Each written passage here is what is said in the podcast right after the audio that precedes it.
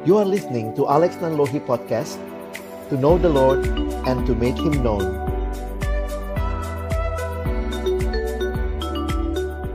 Mari teman-teman kita berdoa sebelum kita membaca merenungkan firman Tuhan. Kami kembali datang dalam ucapan syukur kepadamu Tuhan. Terima kasih buat hari ini. Hari yang Tuhan berikan bagi kami. Kembali kami bersekutu memuji memuliakan namamu. Dan tiba waktunya bagi kami untuk membuka firman-Mu ya Tuhan. Kami mohon biarlah ketika kami membuka firman-Mu, bukalah juga hati kami. Jadikanlah hati kami seperti tanah yang baik.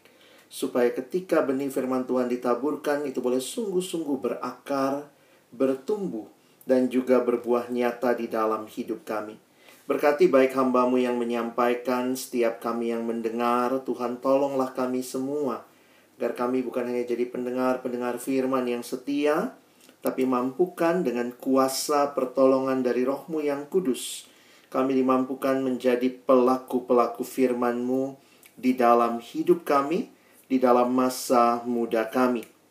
Kami sungguh rindu Tuhan firman-Mu yang adalah firman kehidupan, firman-Mu firman yang kudus dan yang menguduskan hidup kami, dan firman-Mu firman yang tidak berubah, tapi firman yang kami percaya sanggup mengubah kehidupan kami, biarlah itu yang menolong kami juga untuk boleh hidup selaras dengan kehendak-Mu.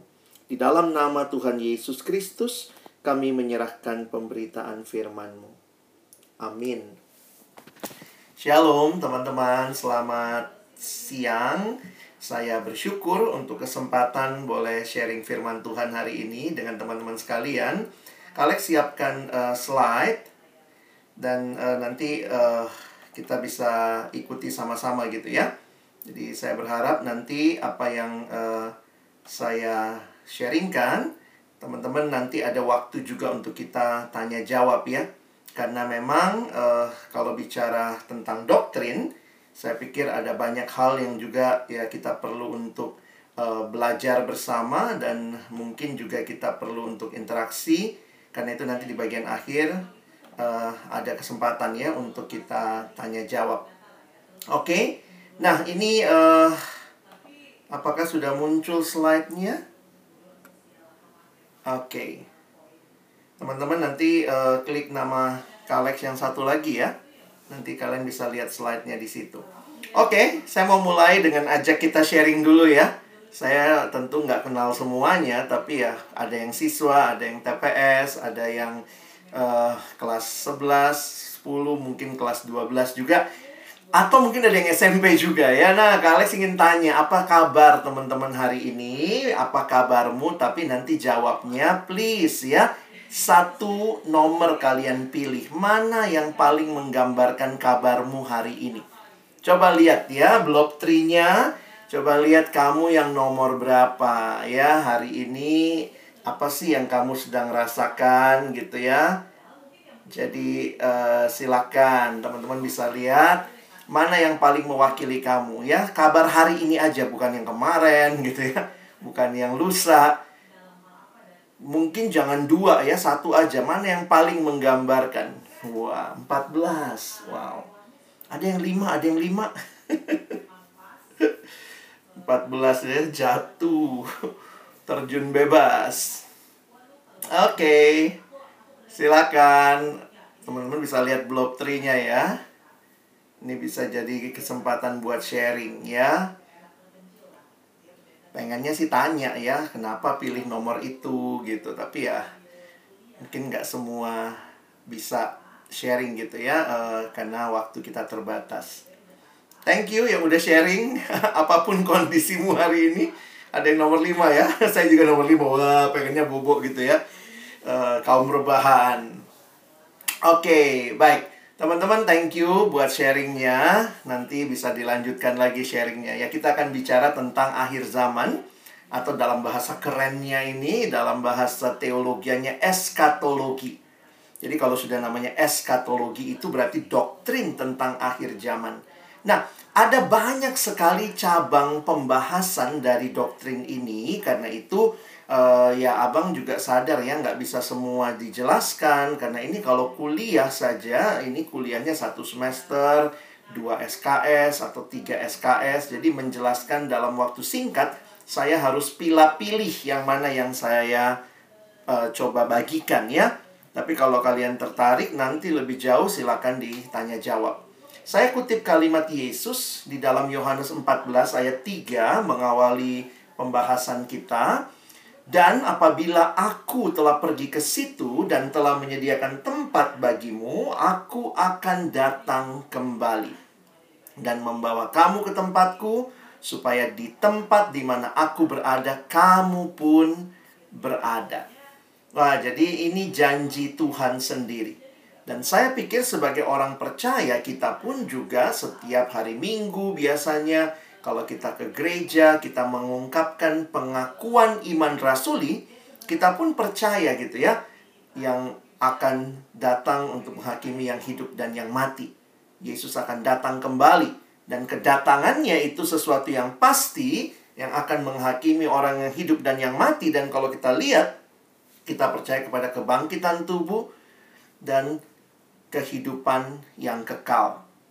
Jadi, pokok-pokok tentang ajaran akhir zaman, kedatangan Kristus kali yang kedua, atau dalam bahasa teologi disebut parusia, the second coming of Christ, itu menjadi bagian yang diimani, ya, diimani oleh orang percaya, dihayati, kita menyebutkannya, di dalam pengakuan iman kita dan juga tentunya didasarkan pada janji firman Tuhan. Jadi semua memang kalau kita hayati dasar kekristenan adalah Alkitab. Jadi Alkitablah yang memberitahukan kepada kita segala sesuatu yang kita perlu tahu ya tentang Allah, tentang hidup kekal, tentang keselamatan dan seterusnya. Nah, Mari kita lihat sebentar secara definisi ya, secara definisi. dari uh, kata eskatologi khususnya itu dari bahasa Yunani yaitu eskatos dan logos. Sementara eskatos artinya hal-hal yang terakhir. Sementara kalau logos itu artinya ilmu, pengetahuan, doktrin juga dipakai istilah itu. Jadi, kalau bicara eskatologi, adalah pengajaran tentang akhir zaman. Ya, apa sih yang dimaksud dengan akhir zaman adalah ajaran yang menunjuk pada segala peristiwa yang akan datang, baik yang dialami secara pribadi oleh individu maupun oleh dunia secara keseluruhan. Nah, saya juga baru sadar gitu ya, ini lama loh nggak bahas eskatologi ya, karena memang uh, mungkin uh, terakhir dibahas mungkin sudah lama juga gitu ya nggak tahu di sekolah-sekolah juga apakah masih dibahas tapi ini salah satu cara yang penting juga untuk tetap mengingatkan kita akan dasar-dasar iman kita. Ya karena sekali lagi yang Kak Alex bilang tadi kita mengakuinya di dalam pengakuan iman rasuli. Kita mengaku kita percaya akan Kristus yang akan datang kedua kali.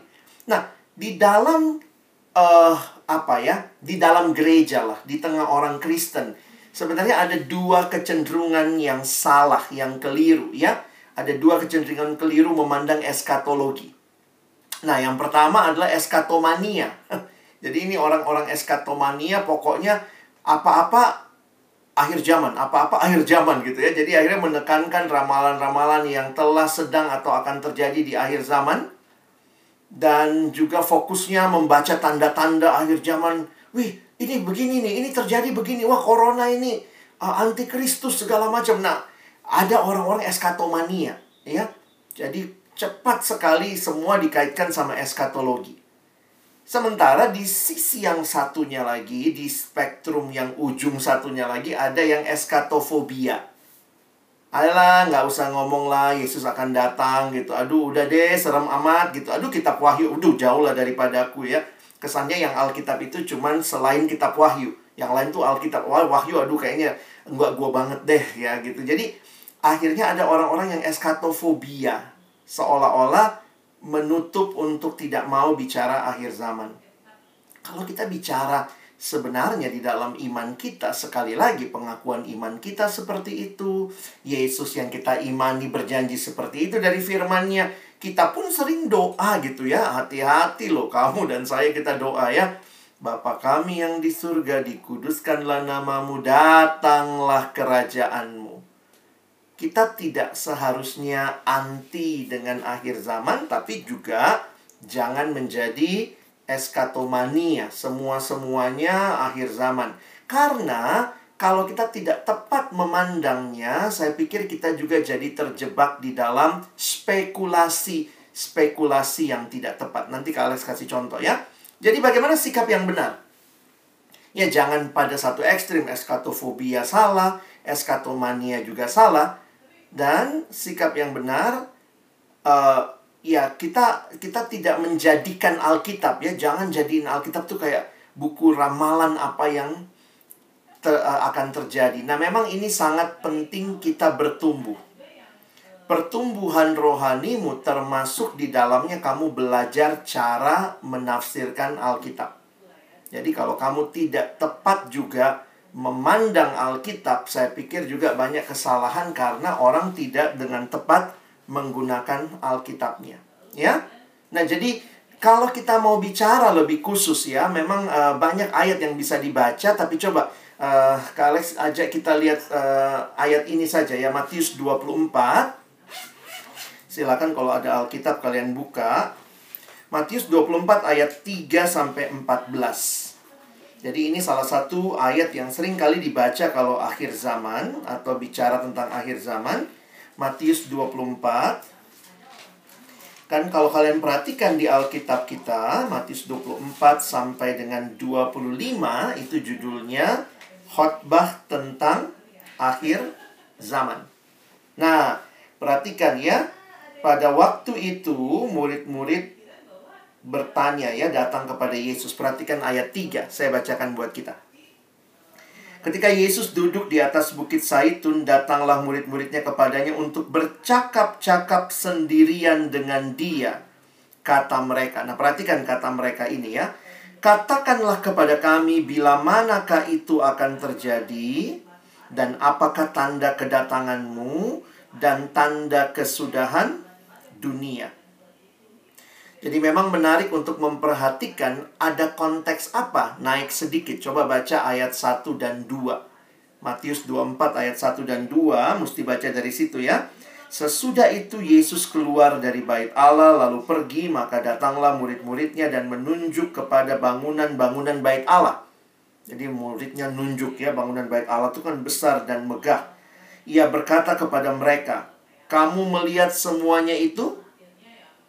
Aku berkata kepadamu sesungguhnya tidak ada satu batu pun di sini akan dibiarkan terletak di atas batu yang lain. Semuanya akan diruntuhkan. Jadi ketika murid-murid bersama Yesus di ayat yang ketiga, mereka tanya. Tanyanya apa? Kapan yang kau bilang itu Tuhan akan terjadi? Di mana bait Allah yang begitu megah akan runtuh. Jadi perhatikan ya, pertanyaan itu terkait dengan apa yang Yesus katakan. Makanya ayat 3, waktu sudah sepi ya mereka dengan Yesus dengan muridnya bercakap-cakap sendirian kata mereka. Perhatikan pertanyaan mereka. Bila manakah hal itu akan terjadi? Hal itu bila manakah itu akan terjadi? Itu yang mana? Yang tadi tuh. Yang Yesus bilang ah, batu-batunya akan runtuh. Itu yang mereka tanya. Yang kedua, pertanyaannya. Apakah tanda kedatanganmu? Tanda kedatangan Yesus. Dan yang ketiga, tanda kesudahan dunia. Nah, jadi teman-teman kalau nanti kalian membaca ya, membaca lebih jauh tentang Matius 24, 25, sebenarnya khotbah akhir zaman ini dalam kaitan Yesus menjawab pertanyaan murid-murid. Paling tidak ada tiga pertanyaan tadi. Kapan bait Allah runtuh? Kan bila mana? Kapan? Yang kedua, kapan apa, apa tanda kedatanganmu? Yang ketiga, apa tanda kesudahan dunia? Kalau kita gabungkan tanda kedatangan Yesus dan tanda kesudahan dunia ini hal yang sama, berarti ada dua pertanyaan. Ya, pertanyaan tentang runtuhnya bait Allah kapan? Dan yang kedua, pertanyaan tentang kapan akhir segalanya di mana Yesus akan datang kedua kali. Nah, teman-teman memang yang jadi masalahnya kalau nanti kalian baca, ini Kalex kasih pengantarnya dulu ya kalau kalian nanti baca apa yang ada di bawahnya, kita tuh tidak terlalu jelas Yesus lagi jawab pertanyaan yang mana. Jadi Yesus tuh ngomong panjang begitu ya. Sehingga memang akhirnya kita melihat para penafsir Alkitab banyak perbedaan di dalam membaca khotbah akhir zaman ini. Ya, itu tidak bisa kita sangkali karena juga kalau kita melihat ada hal yang Yesus sampaikan yang cukup membingungkan, tetapi juga kalau kalian lihat garis besarnya tuh ada dan sebenarnya sangat jelas. Coba kita lihat mulai ayat 4 ya. Jawab Yesus kepada mereka, waspadalah supaya jangan ada orang yang menyesatkan kamu. Jadi Yesus nggak langsung jawab. Oke, pertanyaan pertama begini ya. Bila mana? Ini akan terjadi tahun sekian. Enggak. Yesus nggak jawab, oke pertanyaan kedua, ini tanda-tandanya ya. Memang di bawahnya Yesus akan menceritakan tandanya. Tapi kalimat pertama yang Yesus sampaikan, hati-hati dengan penyesatan. Waspadalah supaya jangan ada orang menyesatkan kamu. Ayat 5. Sebab banyak orang akan datang dengan memakai namaku dan berkata akulah Mesias dan mereka akan menyesatkan banyak orang. Nah, ada Mesias palsu muncul. Kamu akan mendengar deru perang atau kabar-kabar tentang perang, namun berawas-awaslah jangan kamu gelisah, sebab semuanya itu harus terjadi, tetapi itu belum kesudahannya. Jadi ini bisa dikategorikan tandanya sebelum kesudahan itu. Ayat 7. Sebab bangsa akan bangkit melawan bangsa, ini biasa kita sebut perang, dan kerajaan melawan kerajaan, ini perang juga, akan ada kelaparan dan gempa bumi di berbagai tempat. Akan tetapi semuanya itu barulah penderi permulaan penderitaan menjelang zaman baru. No, kita kita lihatnya gimana nih?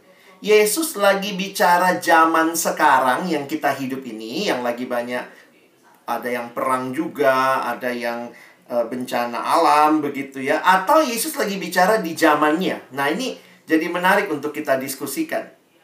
Karena kan sampai sekarang jelas Yesus belum datang. Kita meyakini itu dan makanya kita berdoa, Tuhan datanglah kerajaanmu.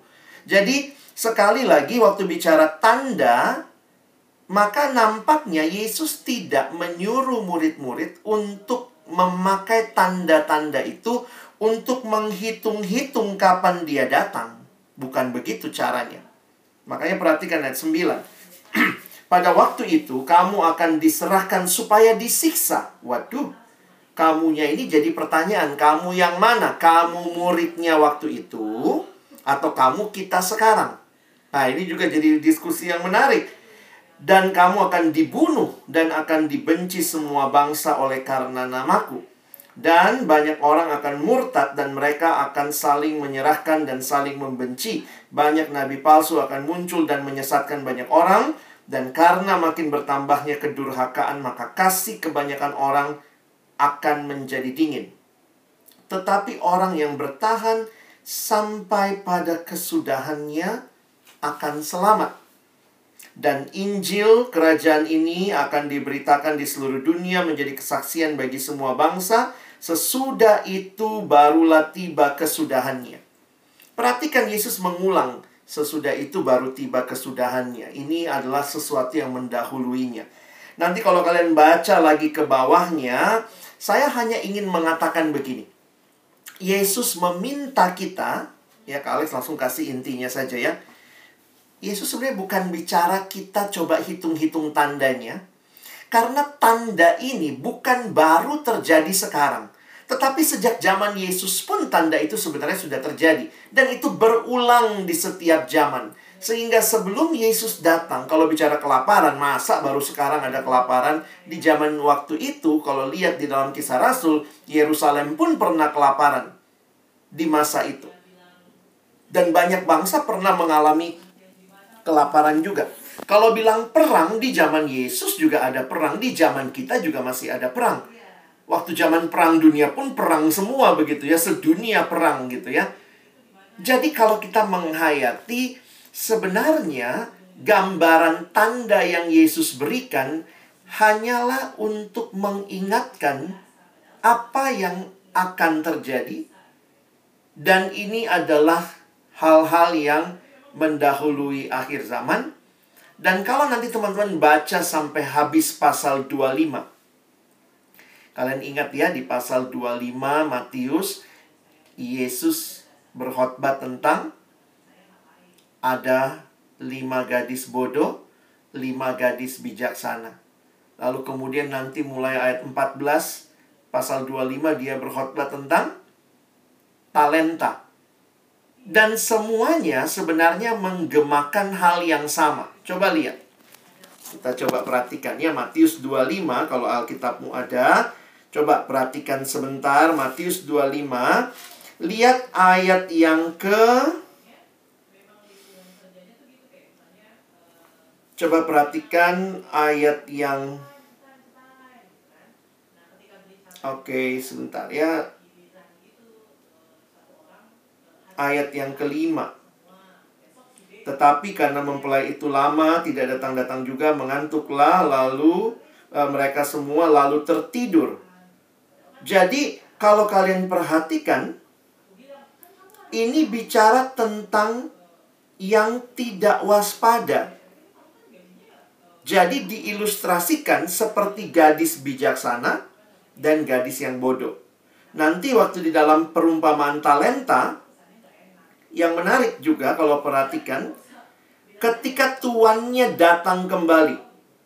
Ya, tuan itu datang kembali dan meminta pertanggungan jawab dari talenta yang dia berikan. Jadi kalau perhatikan, semua cerita ini, Yesus mau menegaskan apa? Coba lihat Matius 25 ayat 13. Karena itu berjaga-jagalah sebab kamu tidak tahu akan hari maupun akan saatnya. Nah, perhatikan itu juga yang sebenarnya muncul kalau kalian membaca apa yang ada di perumpamaan talenta bahwa tuannya datang dan tuannya akan meminta pertanggungan jawab atas apa yang dia percayakan. Jadi kalau lihat sekilas teman-teman, Yesus tidak menjawab sebenarnya kapan dia datang. Tanda-tanda diberikan, kapan dia datang persisnya tidak dikasih tahu, tetapi beberapa tanda ini yang akan terjadi mendahului kedatangannya. Nah, jadi dari sini kita coba coba melihat ya waktu bahas tentang akhir zaman, akhir zaman ini kan bicara kedatangan Kristus nih, ya. Coba lihat gambar ini. Aduh, maaf, mungkin kekecilan gitu ya.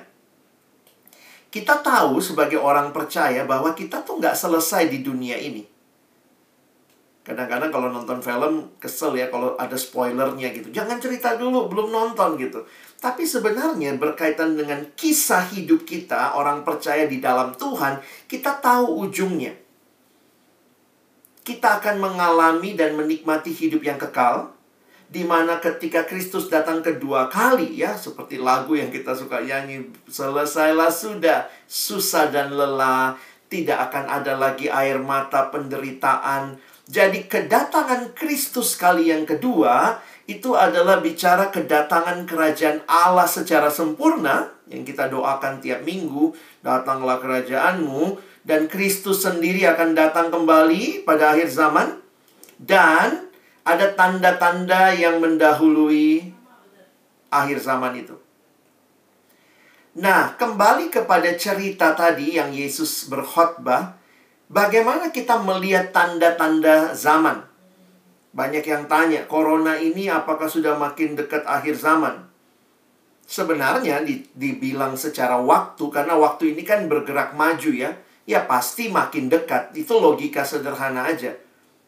Dibanding zaman Yesus ya pasti kita lebih dekat secara tahun. Tapi sekali lagi Tuhan bilang tidak ada yang tahu kapan waktunya. Tapi ini tandanya sudah jelas nih. Jangan lupa, ini bukan pandemi pertama yang dunia alami.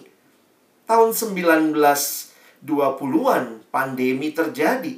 Tahun 1500-an pandemi juga pernah terjadi. Jadi jangan berpikir ini pandemi pertama yang dialami dunia. Jadi bagaimana melihat tanda akhir zaman? Coba kalau kita perhatikan tanda-tanda yang tadi dan digabung dengan beberapa bagian Alkitab, Nah, ini ada beberapa penafsir yang coba menjabarkan apa saja tanda akhir zaman. Injil akan diberitakan ke seluruh bangsa, akan ada kesengsaraan besar tadi ya. Kalau nanti kalian baca di bawah perikop tadi itu Matius 24 muncul Kristus palsu, guru palsu, Mesias palsu. Ada tanda-tanda ajaib di langit. Muncul pendurhaka, antikris, dan juga tandanya adalah keselamatan bagi Israel. Nah, pertanyaannya gini, tandanya ini apakah satu jenis? Kadang-kadang kita pikir tuh tanda yang ada itu adalah tanda yang ngeri-ngeri semua. Wah, kalau itu ngeri spektakuler, wah ini tandanya nih. Tetapi kalau kalian lihat ini, coba perhatikan, apakah semuanya negatif? Masa Injil diberitakan ke semua bangsa negatif? Jadi ketika Injil makin tersebar sekarang juga dengan orang apa ya uh, internet bisa begitu luas menyebarkan Injil itu menjadi tanda akhir zaman. Jadi jangan hanya lihat tandanya kalau yang serem-serem, yang menyakitkan, yang mematikan. Tidak. Alkitab juga bicara tentang keselamatan orang Israel. Makin banyak orang Yahudi yang percaya Yesus itu juga tanda-tanda akhir zaman. Jadi tandanya itu minimal lihat ya ada yang sifatnya kasih karunia, menunjukkan kasih karunia Allah. Ada tanda yang menunjukkan oposisi, perlawanan orang yang menentang Allah. Tapi juga ada tanda yang menunjukkan penghakiman ilahi. Nah ini kalau sudah begini apalagi nih?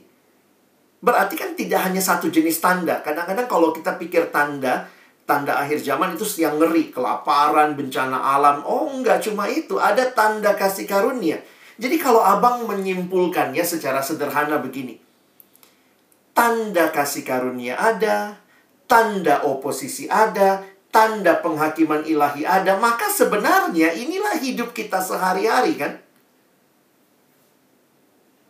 Jadi kalau kamu jeli melihat hidup, kau jalani setiap hari, dan waktunya jelas bumi makin tua, nggak usah dikasih tahu lah. Anak kecil juga ngerti, ini sudah mendekati kedatangan Kristus kali yang kedua. Ya kita nggak tahu Tuhan datangnya kapan, tapi dibilang di, di, di, dilihat dari umurnya bumi ini, dunia ini, sejarah peradaban, karena sejarah itu bergerak maju dan kita tahu yang maju itu ada ujungnya, maka akhir zaman itu pasti dan akan segera terjadi. Paling tidak itu penghayatan kita. Nah, sayangnya banyak orang menggunakan tanda-tanda akhir zaman ini untuk spekulasi. Ya. Ini beberapa kesalahan yang dilakukan dengan tanda akhir zaman, yaitu memahami tanda-tanda zaman sebagai peristiwa yang secara eksklusif hanya akan terjadi di akhir zaman. Enggak, bukan cuma masalah akhir zaman. Semua tanda-tanda zaman yang dinyatakan di dalam Perjanjian Baru adalah hal-hal yang merupakan ciri menandai periode antara kedatangan Kristus yang pertama dan yang kedua. Makanya saya kalau belajar tanda ini jadi lihat ya ada tanda positif, ada tanda negatif. Orang zaman now selalu ngelihatnya tanda negatif. Oh Yesus mau datang. Tanda positif juga menunjukkan dia pasti datang. Injil makin tersebar, penginjilan kita lakukan makin gencar, itu memastikan saja bahwa apa yang Tuhan janji pasti akan tergenapi. Dia pasti datang. Dengan demikian, tanda-tanda tersebut mengajak gereja sepanjang sejarah dan abad untuk selalu hidup berjaga-jaga. Saya pikir tangkap pesan itunya. Kita senangnya cocokologi ya, bukan teologi, dicocok-cocokin tuh. Padahal dunia berjalan, ini sudah menunjukkan kita makin mendekati akhir zaman. Atau kesalahan kedua, menganggap yang tanda itu hanya yang abnormal, yang spektakuler, atau bencana besar-besaran yang mengubah perjalanan sejarah normal manusia ya, kayak pandemi ini ya. Tapi perlu diperhatikan, Alkitab pun mengkaitkan tanda-tanda spektakuler. Coba lihat di Alkitab, yang spektakuler itu biasanya tandanya iblis gitu ya. Jadi hati-hatilah kita jangan terjebak kesannya yang spektakuler itu pasti dari Tuhan, enggak juga. Cara melihatnya bukan seperti itu. Dan yang ketiga, ada kecenderungan untuk memahami tanda-tanda zaman untuk ngitung-ngitung kapan Tuhan datang. Nah ini nih. Wah, udah mau datang nih. Kenapa? Lihat ini terjadi, ini terjadi. Lalu dia hitung di zaman saya SMA.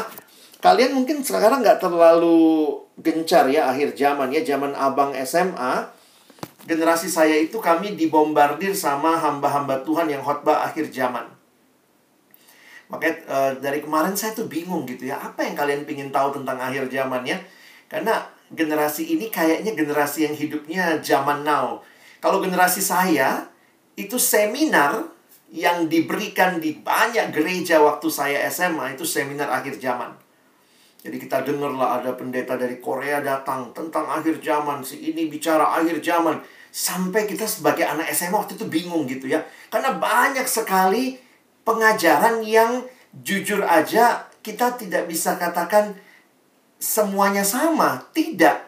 Karena semuanya salah satu yang mengerikan di zaman saya adalah dia hitung kapan Yesus datang.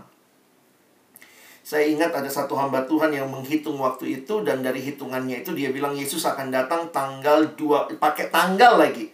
Tanggal 28 Oktober 1992. Wah, Abang ingat banget itu tanggal ya karena pas sumpah pemuda ya. Waktu itu akan datang Yesus. Mereka kumpul di puncak. Mereka pakai baju putih, kumpul di puncak, praise and worship, tunggu Yesus datang. Tanggal 28 sampai tengah malam Yesus nggak datang. Yang datang polisi. Ditangkap mereka ya. Dan itu jadi berita besar kalau kalian nanti cari aja beritanya. Yesus datang tanggal 28. Itu banyak orang di Indonesia jual hartanya. Dari Medan datang ke Jakarta. Begitu Yesus nggak datang, yang karena semua hasil penjualan harta disetor sama pemimpinnya. Lalu pemimpinnya itu waktu Yesus nggak datang, lari dia bawa uang orang. Dan banyak orang bunuh diri pada waktu itu karena malu, karena merasa tidak. Jadi itu ya gambarannya. Dia, teman-teman tahu alasan teologisnya dia bilang apa? Kan Yesus bilang, aku tidak tahu kapan waktunya. Kan Yesus bilang begitu. Aku aku sendiri kata Yesus tidak tahu kapan waktunya aku akan datang kembali. Terus dia bilang begitu. Benar, Yesus nggak tahu kapan waktunya. Tapi Yesus tahu kapan tanggalnya dan jamnya. Wah ini penyesatan goblok tapi banyak pengikutnya. Dan waktu itu kita juga karena masih anak SMA gitu ya takut juga. Ih kalau beneran datang, aduh gue gimana gitu ya. Nah tapi itulah banyak pengajaran yang coba hitung-hitung. Cara hitungnya menarik. Dia hitungnya waktu itu katanya dari enam hari penciptaan. Enam hari penciptaan kalau satu hari sama dengan seribu hari. Dia pikir Alkitab tuh matematika. Dia kali-kaliin, maka 6000 tahun, maka selip segini, 6000 tahun dari zaman itu. Pokoknya gimana lah hitungnya, pokoknya datangnya Yesus tahun 92, 28 Oktober. Nah ini bodoh. Tapi ya banyak orang juga terjerat dalam kebodohan. Bukan begitu kita mengartikan tanda. Wah di zaman saya banyak ya, termasuk waktu itu ada yang khotbah antikris. Siapa itu? PBB. PBB itu antikristus. Wah, waktu itu judi jadi banyak orang yang coba me, ini ya. Ada yang bilang juga presiden Amerika antikristus, presiden. Jadi banyak banget antikristus. Jadi tanda-tanda itu dicocok-cocokin. Nah, yang ke, yang terakhir ini beberapa kesalahan tentang tanda itu yaitu dibuatlah urutannya. Nah, nanti Abang kasih contoh ya. Karena begini loh, kita harus terbuka. Memang Alkitab tidak memberitahukan bagaimana skenario-nya Yesus datang. Kita tidak dikasih skenario tunggal. Yesus datang nih akan seperti ini. yang kita tahu dia pasti datang. Dan ada beberapa peristiwa yang disebutkan di dalam Alkitab. Nah, orang-orang yang senang dengan tanda-tanda ini kemudian cocokologi, dia masuk-masukin, dia cocok-cocokin gitu ya. Sehingga akhirnya kemudian itu yang membuat banyak kali tanda dipakai dengan tujuan untuk membuat rangkaian urutan. Padahal sekali lagi ya, sama lah ya, di Alkitab itu banyak teman-teman dan saya gereja diberikan keterbukaan dan kebebasan. Makanya kita punya beberapa aliran dalam gereja ya yang semuanya berdasarkan Alkitab. Tapi kita tetap tahu nih, sejauh yang dipercaya itu Allah Tritunggal itu benar. Tetapi misalnya bagaimana cara baptisan, ada yang dipercik, ada yang diselam, ada yang waktu masih kecil, ada yang pas sudah dewasa. Itu kita diberikan kebebasan. Karena keselamatan tidak tergantung baptisan. Kita selamat karena percaya pada Kristus. Bukti dari kita percaya kepada Kristus adalah kita dibaptis. Maka ada yang dibaptis waktu kecil, ada yang dibaptis waktu gede. Jadi kayak gereja memberikan kebebasan ya. Karena Alkitab tidak memberikan satu pola saja. Di Alkitab ada baptisan anak-anak, ada. Ada baptisan orang dewasa? Ada. Jadi kalau ditanya, yang mana yang benar? Alkitab mengatakan, ya teologi kita mengatakan kita terbuka. Ikuti gerejamu. Kalau gerejamu baptis dewasa, ya ikuti di situ. Kalau kamu baptisnya waktu anak-anak. Tapi kemudian ajaran ini sebenarnya tidak membuat kita jadi uh, tidak selamat. Karena keselamatan itu bukan masalah baptisan. Keselamatan masalah iman percaya pada Kristus. Masalah kepemimpinan gereja, kita pun dikasih kebebasan. Ada gereja, kepalanya uh, model paus misalnya ya, itu gereja-gereja yang sifatnya episkopal. Kekuasaan tertinggi jemaat ada di pemimpin, satu pemimpin misalnya seperti paus itu namanya episkopal. Tapi ada juga yang kekuasaan tertinggi bukan di satu orang, tapi di sekelompok orang yang namanya sinode. Oke, okay, atau uh, ya itu gereja-gereja yang presbiterian biasanya itu kekuasaannya ada di sinode. Jadi ada juga orang awam, majelis, nah itu punya kuasa juga. Sementara ada gereja-gereja yang tanpa sinode itu sifatnya congregational. Kekuasaan tertinggi ada di jemaat. Ini kalau mau dicari di Alkitab, tiga-tiganya ada contohnya di Alkitab. Tapi Alkitab bukan buku manual kepemimpinan gereja karena itu Tuhan tidak menyeragamkan kepemimpinan gereja. Silahkan gereja yang jalan dengan model episkopal, jalan dengan model presbiter, jalan dengan model congregational itu bebas. Termasuk di dalam kita menyadari akhir zaman ini juga bikin gereja punya banyak aliran ya kita diperkantaskan interdenominasi ya. Jadi Kak Alex harus jelaskan gitu ya. Apakah ini ada kaitannya sama keselamatan? Kita meyakini keselamatan hanya dalam Kristus. Tapi kemudian kita pun yakin bahwa Kristus pasti datang. Tetapi kita, nah ini ya saya kasih tahu ya, gereja pada umumnya berbeda di dalam meyakini urutan kedatangannya. Bisa bisa dilihat bedanya ya. Jadi nanti kalau Abang bukakan beberapa model, yaitu model yang karena Alkitab tidak tidak saklek ini buku teks harus begini, tidak. Alkitab hanya memberikan gambaran termasuk dalam pengajaran Yesus surat-surat kitab Wahyu yang jelas Yesus pasti datang. Itu yang Alkitab sampaikan. Tapi bagaimana urutan kedatangannya? Apa yang terjadi duluan, bagaimana terjadinya, kita bebas untuk melihatnya karena itu gereja pada nyusun skenario. Minimal ada empat skenario ya. Nanti kita bisa lihat ini dan kita mesti belajar menerima inilah gereja. Kita memang tidak diberikan keseragaman tapi kita diberikan keberagaman untuk saling menghargai. Dan mari kita terbuka diskusi satu sama lain. Karena setiap pandangan pasti punya kekuatan, pasti punya kelemahan. Apalagi semuanya ngakunya sumbernya Alkitab. Nah, jadi saya sih bersyukur ya, kita di persekutuan interdenominasi ini ya, kita bisa nyanyi, ku tak pandang dari gereja mana. Kamu bagaimana pemahamannya? Kalau di gerejamu ya, mungkin semua yang di sampingmu dibaptisnya sama dengan cara kamu dibaptis. Tapi kalau di persekutuan, di Rockris, kita dari berbagai latar belakang. Jadi ada yang dibaptis masih kecil, udah besar, ada yang dibaptis waktu dia uh, apa airnya dipercik, ada yang diselam. Nah, itu itu semua kita bisa nyanyi bergandengan tangan. Nah, saya ingin membuka hati kita untuk menyadari kita pun di dalam gereja memandang akhir zaman ada berbagai pandangan, ya.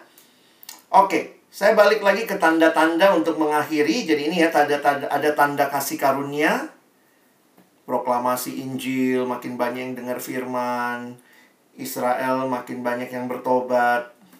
Ada tanda perlawanan terhadap anak Allah. Nah ini di Alkitab ada nih.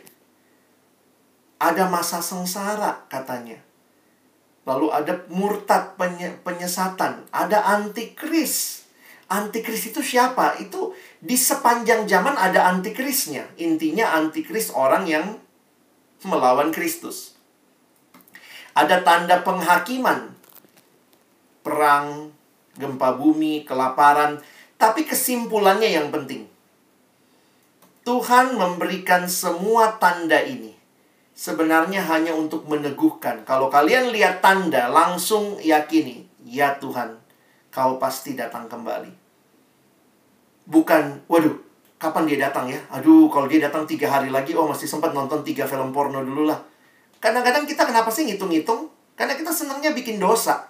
Kalau Yesus datangnya sekarang, aduh, sekarang ya, masa mesti hapus film pornonya baru di-download tadi, baru selesai. Jadi ketika orang sibuk hitung-hitung tanda, saya jujur suka nanya gitu ya. Lu kenapa pada hitung tanda? Karena mungkin takut dia, ya. Aduh, udah nggak bisa bikin dosa lagi nih. Aduh, sebelum nikmati dengan Tuhan, ah masih mau nikmati dosa dulu. Karena itu secara sederhana, bagaimana sikap menghadapi akhir zaman? Pertama, takut dan gentarlah kalau kamu masih hidup sembrono. Karena Tuhan pasti datang. Kita tidak tahu kapan. Tapi yang kedua, buat kamu yang hidup dalam Tuhan sungguh-sungguh, tenang. Percaya akan janji Tuhan. Ketika Tuhan datang kedua kali, kita yang percaya akan terima hidup yang kekal. Itu janji Tuhan buat kita. Karena itu, sikap saat ini dalam hidup, persembahkanlah seluruh hidupmu yang terbaik bagi Tuhan dalam keseharian kita, ya. Jadi, ingat Tuhan pasti datang kembali. Itu sih yang intinya dari semuanya. Doktrin akhir zaman memastikan itu. Jadi, refleksinya bagaimana kita menyambut kedatangan Kristus kembali. Nah, sebelum Abang berikan kesempatan tanya jawab, saya kasih sedikit gambaran ya, kenapa kita berbeda. Padahal kitabnya sama, ya karena memang di, di Alkitab itu Tuhan memberikan kepada manusia kitab suci dengan berbagai jenis sastra. Kadang kita nggak bisa tutup mata ya, bahwa Tuhan tidak memberikan satu jenis. Alkitab kita kalau semuanya puisi, capek juga bacanya. Alkitab ada puisi, ada perumpamaan, ada surat, ada narasi, ada wahyu, ah gitu ya. Yang kalau kita perhatikan ini harusnya membuat kita sadar mendekati setiap jenis beda. Abang kasih contoh gini lah. Kamu ketemu nih tulisan sakit hati kamu ketemunya di catatan kuliah anak kedokteran, sama nggak artinya kalau kamu ketemu kata yang sama sakit hati di catatan kuliah anak sastra? Katanya sama loh, sakit hati. Tentu jelas berbeda. Buat orang kedokteran ya sakit hati ya mungkin sakit levernya ya, hatinya. Tapi untuk orang sastra, lah ini ungkapan, gambaran. Jadi kita mesti mengerti Alkitab tidak bisa didekati dengan satu cara pendekatan saja karena jelas Allah yang memberikan kitab suci kita, Allah yang memberikannya di dalam berbagai bentuk yang berbeda. Makanya orang misalnya kayak hitung-hitungan tadi ya, oh ini nih bakal apa? Katanya uh, satu hari sama dengan seribu tahun. Seribu tahun di matamu sama seperti satu hari. Itu gimana cara lihatnya? Mesti ingat ketika orang itu kali-kaliin tambah-tambahin saya cek. Ya ampun ayatnya muncul di dalam kitab puisi. Di matamu satu hari seribu tahun sama seperti sehari. Itu gambaran apa? Bukannya gambaran matematika. Eh dipakai hitung. Allah ciptakan bumi enam hari. enam hari kali seribu. Seribu karena kan satu harinya kita sama dengan enam, satu harinya Allah sama dengan seribu harinya kita dikali begitu rupa. Jadi kitab Wahyu pun kita harus bisa dekatin dengan tepat. Dan memang di dalam realita kita memandang kitab Wahyu, teman-teman, nggak bisa kita tutup mata. Gereja punya tiga pendekatan yang berbeda-beda. Maksudnya apa? Ya ini kalau saya jelasin kayak kalian kuliah teologi, tapi sederhananya begini. Apakah kitab Wahyu ini murni simbol? Ini cuma simbol. Nah, ada orang-orang yang memandang ini cuma simbol belaka. Jadi ini bukan peristiwa yang nyata. Ini simbolis. Nah, bayangkan begitu kamu menafsirkan simbolis begitu, ya udah. Kamu akan melihatnya semua simbolis. Ada lagi yang bilang ini semuanya tentang masa lalu. Wah, kitab Wahyu tentang masa lalu. Ya, jangan lupa loh, Wahyu ditulis oleh Rasul Yohanes ketika dia dapat penglihatan dari Tuhan untuk siapa? Oh, jangan lupa untuk tujuh jemaat. Jadi kitab Wahyu pertama dan terutama bukan buat kita, ditulis untuk tujuh jemaat. Perhatikan Wahyu pasal 2 sampai Wahyu pasal 3. Jadi pertanyaannya begini, yang ditulis di kitab Wahyu itu tentang masa depan atau tentang masa lalu? Nah, ada orang-orang yang bilang, oh kami historis, ini semua tentang masa lalu. Karena ini ditulis untuk orang zaman itu. Yang satu ngelihatnya ini semua tentang masa depan. Jadi semua yang di kitab Wahyu belum terjadi. Nah, jadi tiga pandangan, sebenarnya ada yang keempat ya, saya lebih suka yang keempat. Karena kita harus menghayati kalau abang belajar wahyu akhirnya melihat sikap yang keempat. Ada tentang masa lalu dan ada tentang masa depan. Karena memang tidak bisa tutup mata, ini kitab yang ditulis untuk tujuh jemaat, tetapi gambaran yang diberikan sampai Kristus datang kedua kali. Karena itu, ada yang sudah terjadi, ada yang masih belum terjadi. Nah, jadi cara-cara kita melihat kitab Wahyu akan menentukan bagaimana kita menafsirkannya. Jadi, ini yang membuat gereja beda-beda. Ada tiga istilah yang muncul ya saya coba cepat aja ya. Misalnya ada tiga istilah yang muncul. Ada istilah pengangkatan. Ini berbagai pandangan akhir zaman ya ada yang bilang soal pengangkatan. Ada ayatnya ada. Ayatnya di 1 Tesalonika 4 jadi ada pengangkatan. Tapi di sisi lain ini tidak muncul di kitab lain. Di satu Tesalonika muncul, nanti ada lagi yang mengambil di Lukas. Di Lukas juga ada cerita bahwa pada waktu itu nanti salah satunya akan diambil. Jadi ini ajaran yang banyak kemudian berkembang juga karena ada ayatnya. Tapi apa pengertian ayat itu? Nah, ini tiap orang juga mencoba menafsirkannya. Ada yang bilang memang kita diangkat ke atas. Ya, Lalu kemudian ada lagi istilah masa kesukaran besar itu muncul. Yesus bilang juga soal masa kesukaran besar, masa penderitaan besar. Di kitab Wahyu juga muncul. Dan ada lagi istilah penghakiman terakhir. Waduh, jadi ini gimana nih?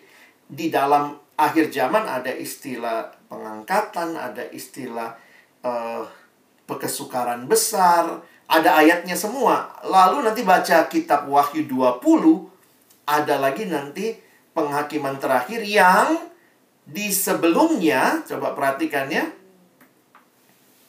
Ada kerajaan seribu tahun. Waduh, lengkaplah. Um, ini kalau mengerti ini jadi anak-anak pada bertanya, ini benar harafiah kerajaan seribu tahun? Gimana hubungannya dengan rapture, dengan great tribulation, dengan final judgment? Nah, ini yang sebenarnya membuat gereja kita berbeda karena ini masalah urutan kedatangan. Anggap ya.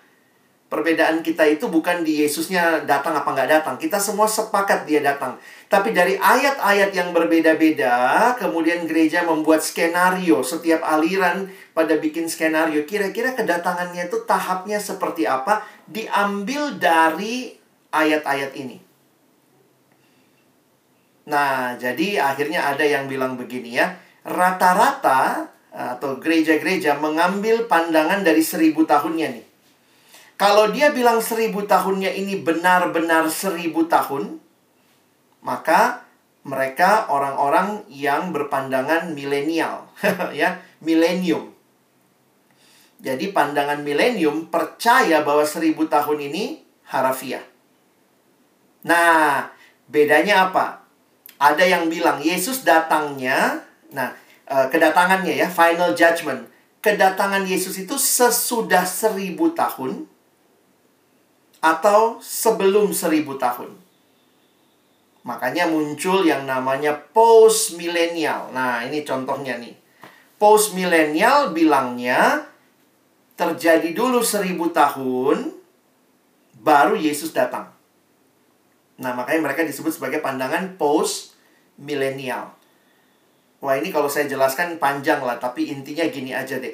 Post milenial, mileniumnya apa seribu tahunnya terjadi dulu, baru Yesus datang. Lalu yang lain ada yang bilang enggak.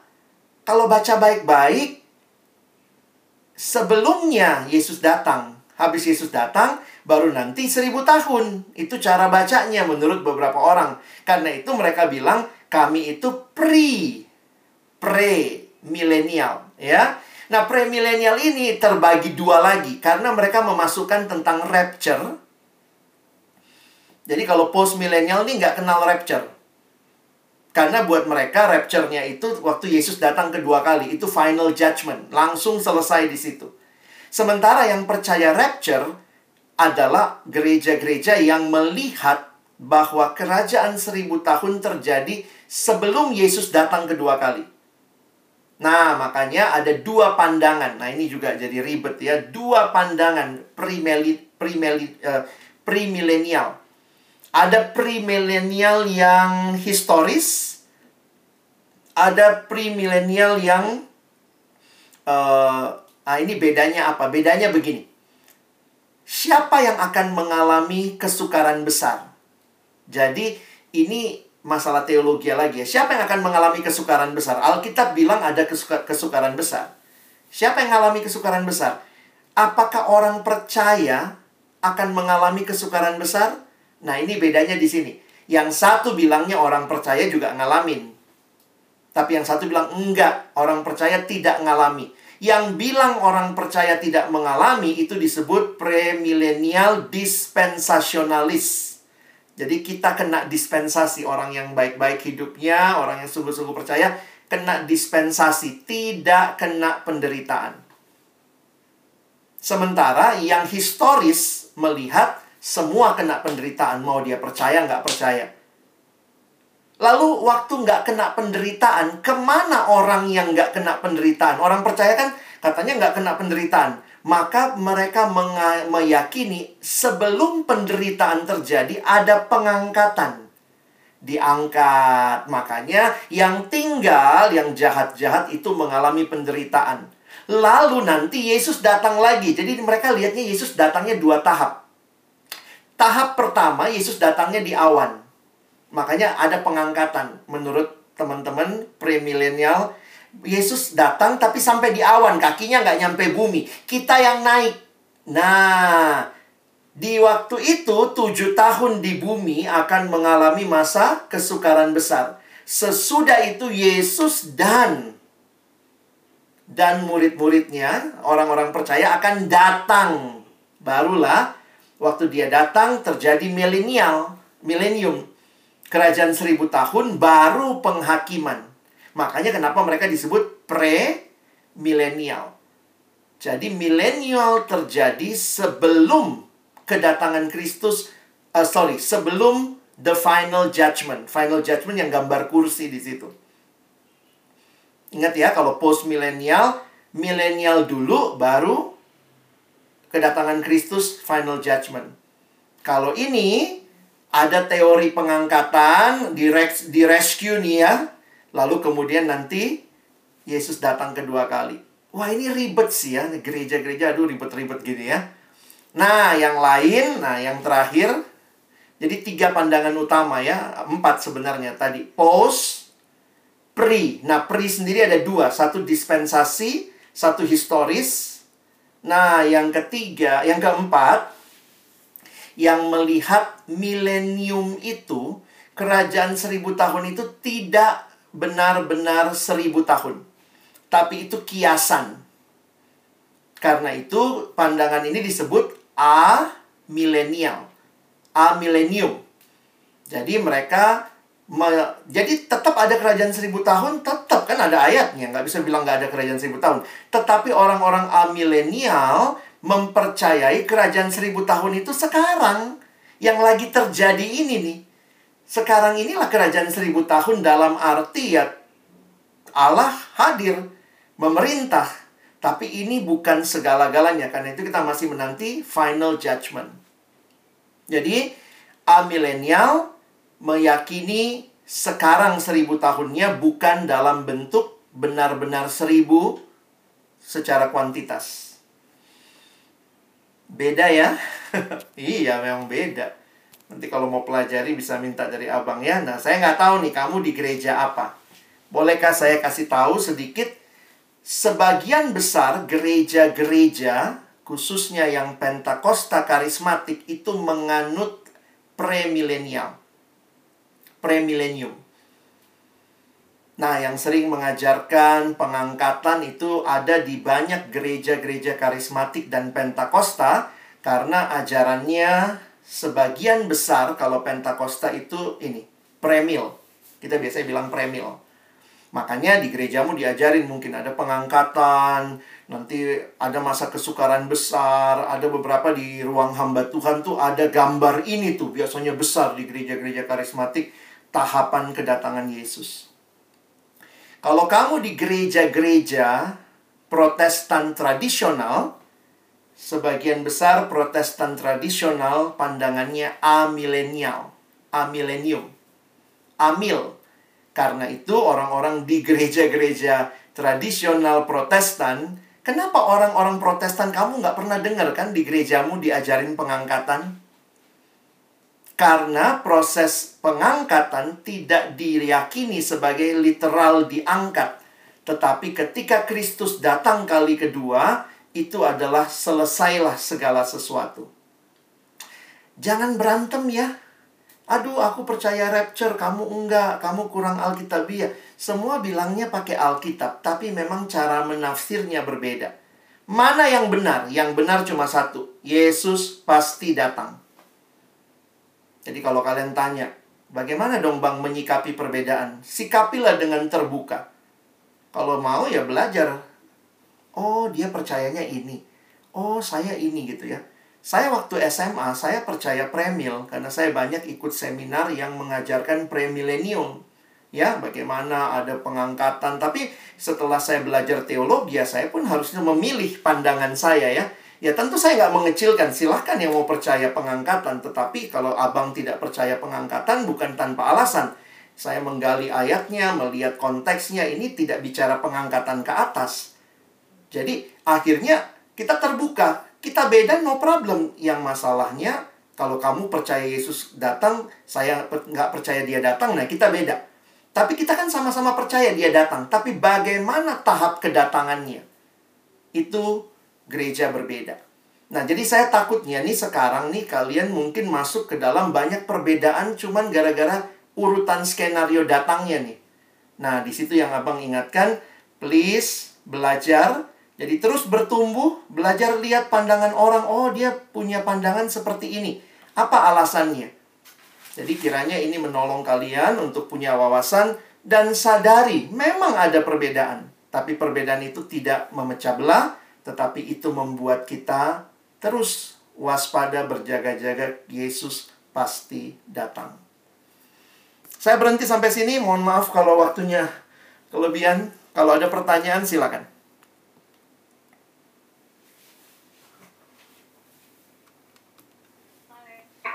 Uh, halo semua, aku Dorothy. Uh, aku akan bantu pimpin diskusi tanya jawab uh, buat teman-teman yang tadi sudah bertanya di slide Terima kasih dan mungkin kita akan jawab dulu kali ya bang pertanyaan yep. di slide ini ada salah satu pertanyaan yang banyak yang lain gitu. Mungkin banyak yang punya pertanyaan sama. Pertanyaan seperti ini yang di di kitab Wahyu itu perumpamaan atau emang itu bakal terjadi ya bang? Seperti contohnya binatang keluar dari dalam bumi dan lain-lain. Ada pertanyaan yang mirip. Tadi bilang di kitab Wahyu itu ada yang jatuhnya Babel, perempuan dan naga, sang kepala, materai, kerajaan seribu tahun itu hanya kisah atau akan terjadi. Oke, okay, thank you ya. Nah, ini kita mesti terbuka juga untuk melihat memang kitab Wahyu itu bentuknya apokaliptik. Jenis sastranya apokaliptik. Apokaliptik ini bersumber juga dalam tradisinya orang Yahudi. Contohnya, lihat kitab Daniel misalnya ya. Kalau kalian baca Daniel pasal 6 ke atas, itu sifatnya apokaliptik. Apokaliptik itu sesuatu yang disingkapkan untuk masa depan. Sehingga banyak menggunakan penggambaran. Nah, pergumulan kita sebenarnya begini ya. Penggambaran ini apakah harafiah atau tidak, saya harus katakan saya tetap percaya karena saya menerima yang tadi ya, future and historical. Jadi saya melihat lebih lebih tepat kita melihat tidak melulu masa lalu tapi juga tidak melulu masa depan. Nah, karena itu kita belajar memandangnya dalam dua cara. Lihat masa lalu, apa yang mereka mengerti dengan hal itu. Contohnya, kita ketemu nih, hati-hati bilangannya 666. Jangan langsung bilang 66 itu adalah apa? Uh, corona gitu ya. Karena kitab ini diterima oleh orang masa itu. Apa yang mereka mengerti di masa itu tentang 666? Jangan langsung bawa ke masa kita. Dan kalau begitu nanti kita bisa lihat mungkin yang terjadi bukan 66-nya kita hitung-hitung, tetapi lebih kepada apa pola yang berulang dari si antikris ini yang selalu muncul di setiap zaman. Nah, itu memang uh, kita mesti terbuka ya. Sebagaimana Alkitab sendiri mengatakan ada hal-hal yang masih tertutup bagi kita. Belum dibukakan. Kalaupun itu mulai terbuka, kita lihat polanya, itu pun menolong kita juga rendah hati. Ya, bahwa bisa jadi tafsiran kita perlu dicek apalagi kalau tafsirannya terlalu jauh kepada satu pribadi di generasi 40-an mereka bilang antikris itu satu orang. Siapa? Hitler. Ya habis itu kan Hitler berlalu. Apakah antikris selesai? Muncul lagi. Setiap zaman itu punya antikrisnya. Jadi sebenarnya kitab Wahyu bagi saya di satu sisi memberikan gambaran-gambaran yang figuratif untuk sesuatu peristiwa yang berulang dalam sejarah, tetapi fokusnya adalah apa? The final winner is God. Nah, jadi uh, ya itu kira-kira prinsipnya dulu seperti itu. Jadi kalau kamu tanya, ini persis ini apakah figuratif apa tidak? Saya cuma bilang gini, tunggu nanti deh, lihat deh. Tapi apa yang disampaikan oleh Alkitab, mau itu figuratif kek, mau terjadi beneran kek, waspada. Yesus pasti datang dan tanda-tanda ini mendahului. Saya pribadi melihat beberapa figuratif. Saya pribadi ya. Kalau kamu tanya, ya Bang Alex pandangannya apa ya? Saya melihatnya figuratif. Siapakah perempuan itu? Ketika naga itu muncul. Kalau kalian bisa perhatikan, itu sebenarnya kalau dalam penafsiran yang saya terima dari latar belakang Reform Theology, itu gambaran tentang Maria yang dikejar-kejar mau dibunuh. Can you believe it? Coba baca lagi nanti. Wahyu 12 gitu ya, 13 ya. Coba melihat bagaimana mencoba menjelaskan bagaimana perempuan ini harus lari. Ya, dan ada beberapa penafsir yang mengkaitkan itu dengan larinya ke Mesir. Nah, ini kenapa uh, larinya Yesus kan lari ke Mesir ya waktu itu ya. Nah, salah satu kenapa saya terima pandangan seperti ini karena nafsirnya ke belakang, ketimbang ke depan. Tiba-tiba uh, perempuan itu, naga itu adalah Cina. Oh, ini Cina, RRC nih. Itu terlalu jauh ke depan, lebih logis tafsirnya ke belakang. Jadi ingat, uh, hati-hati jadi cocokologi ya. Bo boleh nggak saya kasih contoh ya? Sebenarnya saya udah siapin, cuma ini kenapa sudah ditanya ya sekalian ya. Iya bang. Oke. Okay. Abang share deh ya. Sorry ya, aku share juga jadi mati dulu ininya ya. Nah, coba perhatikan sebentar.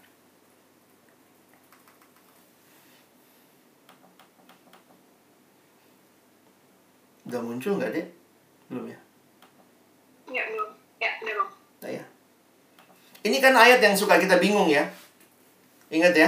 Wahyu 13, nanti tandanya seperti apa gitu. Bingung, waduh. Apalagi tanda pada tangan kanannya atau pada dahinya. Lalu kita bilangnya apa ini? Chip, chip. Hati-hati sama chip.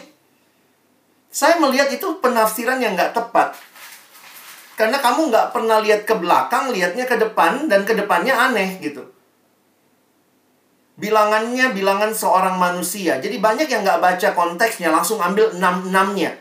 Ini lihat nih, karena cocokologi yang gelo, jadi begini nih. Hati-hati sama chip, hati-hati nanti ditempel di tangan dan di dahi. Sudah ada teknologi seperti ini. Teman-teman, kira-kira orang yang terima kitab wahyu ngerti chip nggak zaman itu? Jangan lupa loh, surat itu pertama buat mereka. Jadi kalau kamu tafsirnya terlalu jauh ke depan, saya jadi pikir gini, jadi berarti firman Tuhan buat mereka waktu itu nggak ngerti dong.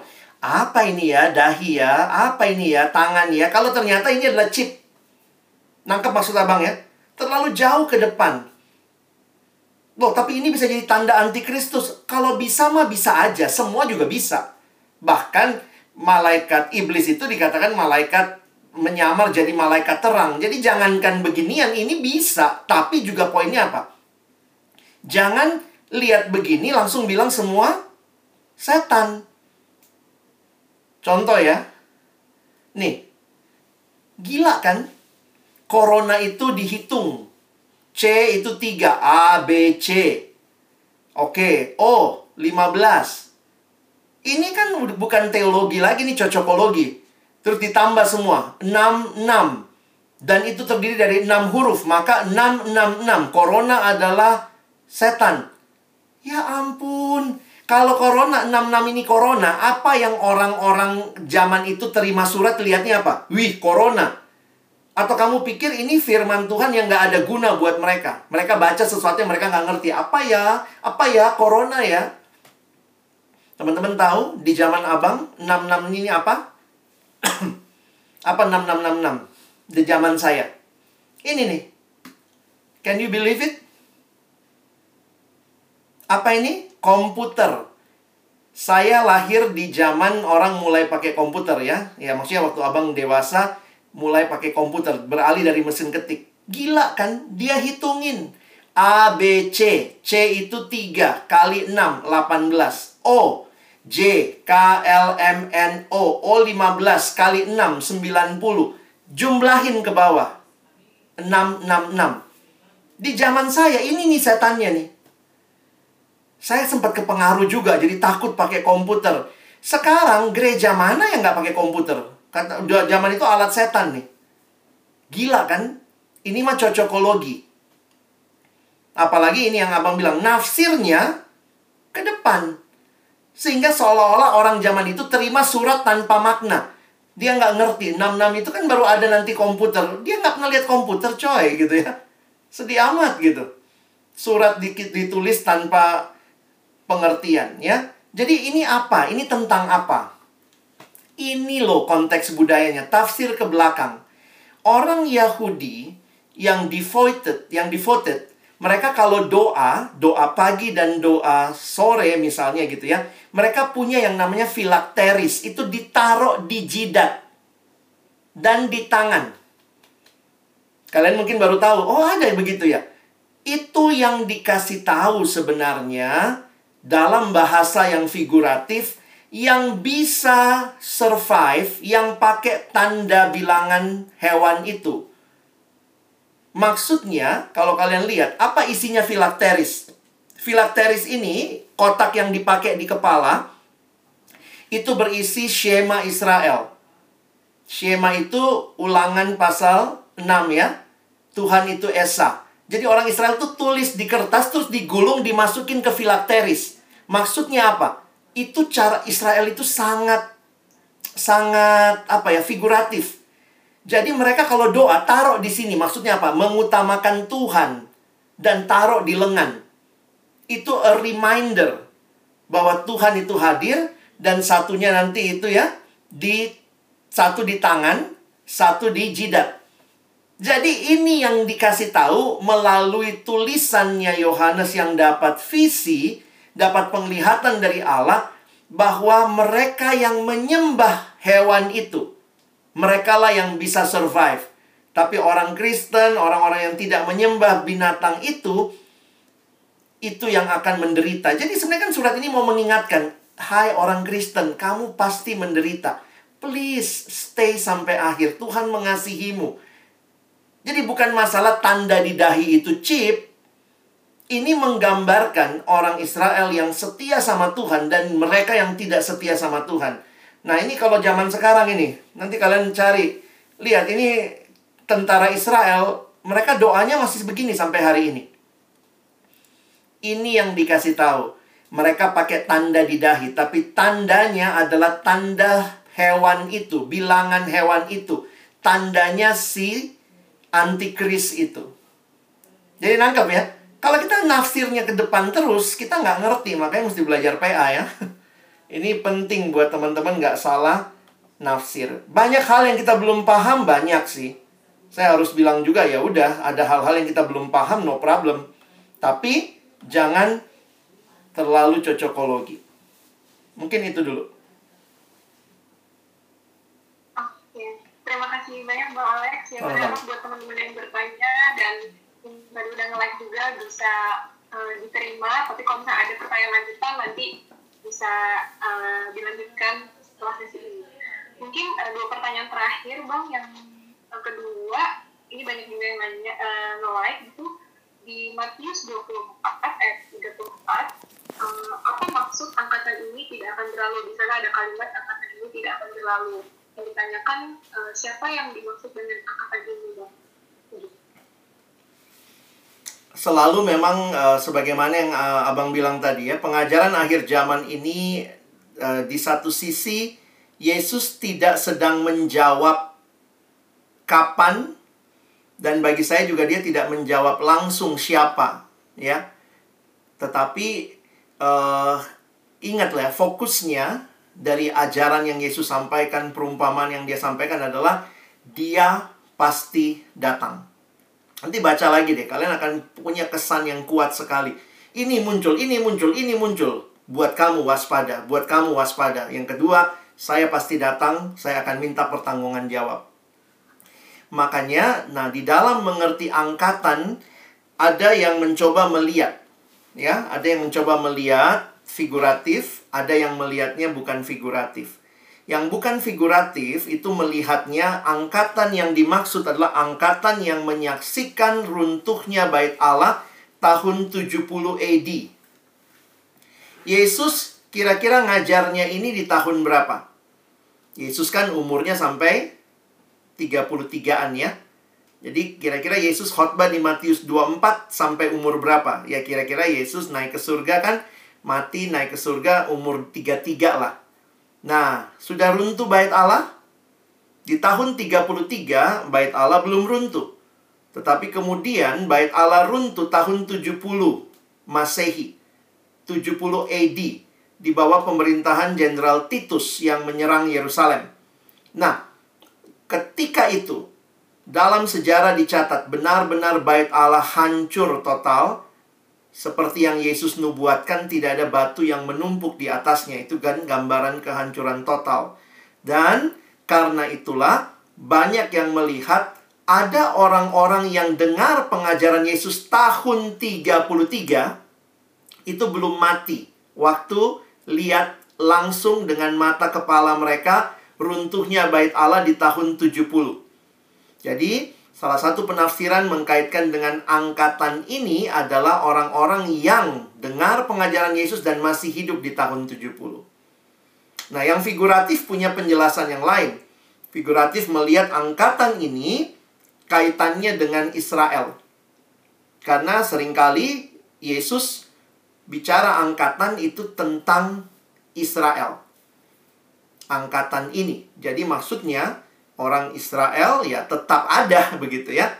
Maksudnya mereka ini akan tetap begitu. Jadi itu uh, balik lagi ya, cara melihatnya seperti apa. Tapi poin saya gini, kalaupun kita nggak bisa menentukan karena perdebatannya juga cukup sengit gitu ya para teolog, tapi kita bisa nangkap maknanya. Semua ini sedang bicara dia pasti datang dan waspadalah karena tanda kedatangannya kita nggak pernah tahu.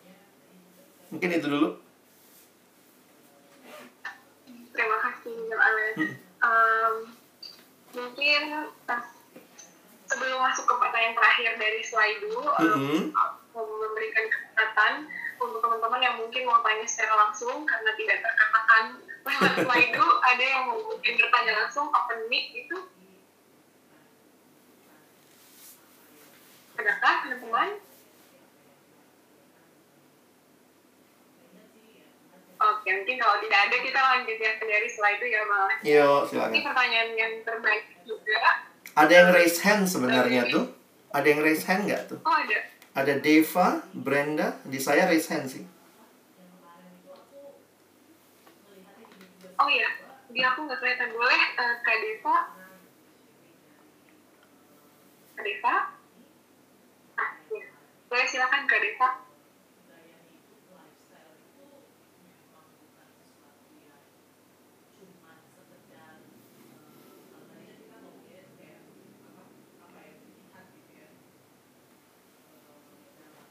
Atau lanjut dulu kali kalau belum mesti takutnya tadi ketekan mungkin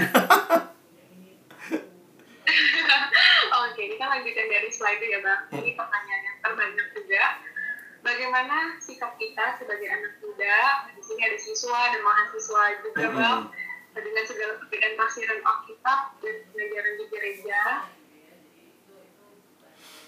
Iya. Ya sikap kita pertama adalah uh, rendah hati ya. Rendah hati untuk belajar lihat ada orang yang punya pandangan beda sama kita. Jadi memang yang menyatukan gereja kita saya pikir memang tidak tidak melulu pandangan pengajaran dalam arti kita sama. Tapi kita bersatu di dalam pengakuan iman rasuli yang adalah pokok-pokok pengajaran Kristen. Termasuk kita meyakini ada kehidupan yang kekal aku percaya akan kebangkitan orang mati dan hidup yang kekal. Jadi itu semua kita yakini.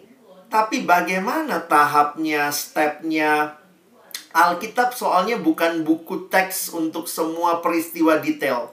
Alkitab adalah buku yang tidak bersalah di dalam petunjuk keselamatan. Jadi yang sangat detail di Alkitab adalah keselamatan, jalan satu-satunya di dalam Kristus. Jadi ada hal-hal yang tidak detail, oh banyak. Alkitab tidak ceritakan tentang bagaimana gereja harus dipimpin, bagaimana pola kepemimpinan, bagaimana metode baptisan satu-satunya yang benar seperti apa. Alkitab tidak bicara juga bagaimana soal misalnya kepemimpinan wanita, makanya ada gereja yang berani mengangkat perempuan, ada yang tidak berani mengangkat perempuan dengan banyak ada yang bilang loh di ayat ini ada kok perempuan bisa memimpin di ayat ini kok perempuan gak boleh memimpin. Nah itu semua kita kita masih ada perbedaan dan itu kita mesti akui. Dan karena itu belajarlah rendah hati dan belajarlah nah, kalau saya ya secara pribadi ya pengalaman karena abang juga kan dari siswa dibina ya. Ya ya saya belajar gitu apa yang saya yakini, yang saya percaya ya pelan-pelan tuh. Pelan-pelan untuk lihat lagi, oh adalah pandangan yang berbeda, rajin baca buku, rajin nanya. Supaya maksudnya gini loh, kita juga makin meyakini ya apa yang kita pegang dan itu sebenarnya menjadi kekuatan aja buat perjalanan hidup kita. Bukannya untuk debat lalu nyalahin orang lain. Saya pikir bukan bukan seperti itu. Jadi please bertumbuh dalam firman dan terbuka untuk melihat khususnya kita di persekutuan interdenominasi ya. Ada yang beda sama saya ya. Oh iya ya, tapi dia sama-sama percaya Yesus pasti datang kok. Jadi kita masih tetap bisa bersatu dalam hal itu. Mungkin itu kali ya, Kak Dorothy. Diskusi juga penting ya, Bang. Betul. Atau ekstrakurikuler dan ekstrakurikuler. Ya. Oke. Bang, ternyata kita dikasih kemurahan hati dari bidang studi. Oh iya, silakan. 5 menit. Yes, masih ada yang perlu dijawab. Ini ada pertanyaan juga. Pertanyaan juga, Bang, akhir zaman yang dimaksud dalam keseluruhan Alkitab ini, akhir zaman di dunia aja atau di seluruh seluruh? Iya, kalau lihat memang akhir zaman ini akhir zaman semuanya. Nah ini aduh kalau kita mau bicara masih banyak sih ya hal-hal yang perlu dibahas ya. Apa konsep surga? Gimana konsep neraka? Bagaimana soal kebangkitan? Karena banyak orang Kristen kalau ditanya gini ya, ini kalau saya tanya umum lah ya.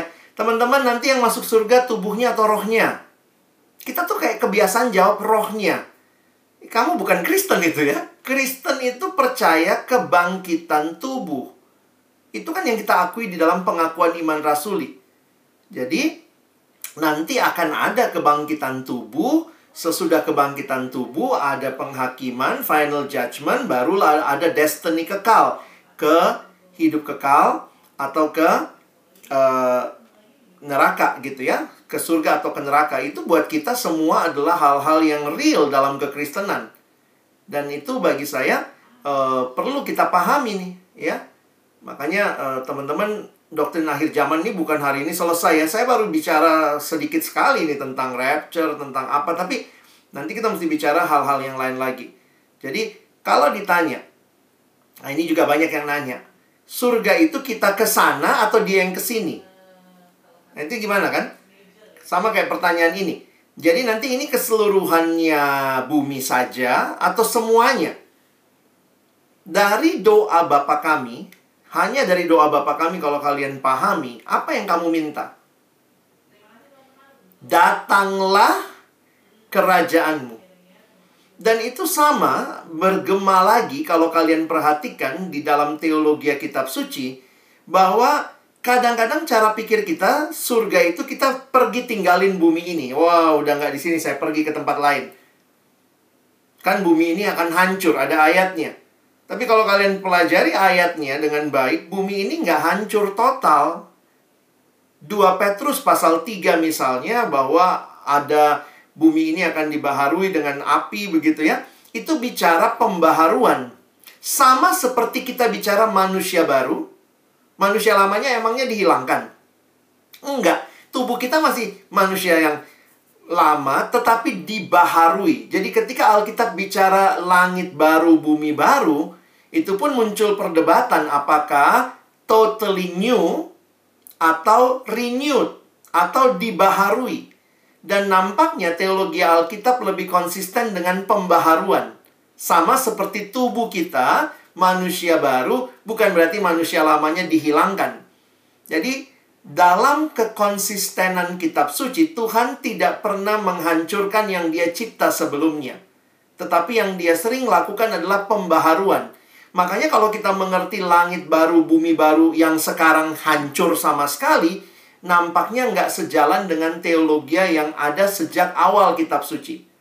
Tuhan tidak bikin bumi baru. Tuhan baharui, air bah hancurin semua, sisain delapan orang dari keluarganya Nuh terjadi pembaharuan, bukan pemusnahan total. Bukan begitu. Tuhan kan bisa aja hancurin Nuh juga ya, bikin manusia baru. Ada Adam yang ada Adam versi baru. Bukan begitu polanya. Karena itu para teolog melihat kalau mengerti dunia sekarang dan akan datang kita pun melihat dalam kitab Wahyu pasal yang ke-20 bahwa aku melihat Yerusalem yang baru itu turun dari surga. Makanya uh, teologi kita sebenarnya adalah teologi datanglah kerajaanmu menyatu dengan bumi ini. Nah, makanya kita biasanya dalam teologi dikatakan uh, new creation, ciptaan yang baru. Jadi sekali lagi kalau ditanya yang mana nih, apakah keduanya di surga aja atau di bumi aja? Nah, konsepnya adalah bumi dan surga menyatu. Itu konsep Alkitabiah tentang langit baru dan bumi baru.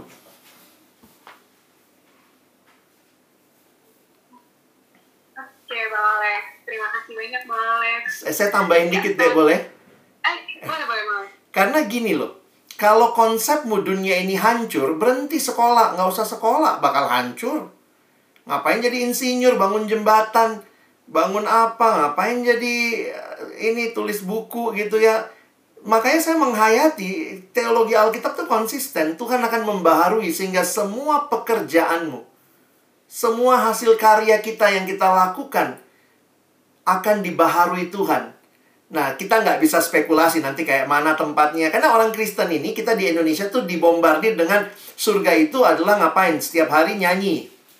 Nyanyi puji Tuhan. Lalu pakai baju, habis itu PA. Habis PA nyanyi lagi, puji Tuhan. Habis itu PA lagi. Ada anak kecil nanya gitu sama guru sekolah minggunya.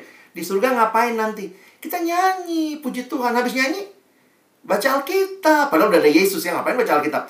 Terus habis baca Alkitab, nyanyi lagi. Habis nyanyi, baca Alkitab lagi. Gurunya udah mulai bingung nih. Ini anak nanya lagi. Terus habis baca Alkitab, nyanyi lagi. Terus anak itu bilang, bosan ya di surga. Karena kita punya konsep surga yang boring. Kita harusnya melihat surga itu seperti apa yang ada di Taman Eden sebelumnya. Adam sebelum jatuh dalam dosa disuruh kerja nggak? Oh kerja. Tapi di situ kerjanya adalah sukacita kan? Makanya waktu jatuh bukannya Orang bekerja bukan karena jatuh dalam dosa. Ketika jatuh dalam dosa, Alkitab berkata, kerjamu akan kubuat sangat berat. Jadi bukannya nggak kerja. Jadi kalau ditanya, kalau misalnya orang bilang, apakah di surga ada ada pekerjaan? Kalau saya lihat konsisten dengan kejadian satu, ya mungkin ada kerja, tetap bekerja juga, tapi dengan sukacita. Sama seperti Adam dan Hawa ngatur pohon segala macam, jadi jangan ya walaupun lagu-lagu kita kan begitu ya. Selesailah sudah susah dan lelah kayaknya di surga itu tempat paling males gitu ya, santai, kaum mager, makan, nonton drama Korea gitu ya. Kadang-kadang gambaran kita tentang surga sendiri juga tidak tepat begitu. Nah, itu yang saya coba tambahkan justru menghayati bahwa bumi dan surga akan menyatu di dalam karya Kristus yang menyelamatkan ini memberikan motivasi kamu punya pekerjaan, kamu jadi sarjana, itu semua ada karena nanti Tuhan akan membaharui semuanya.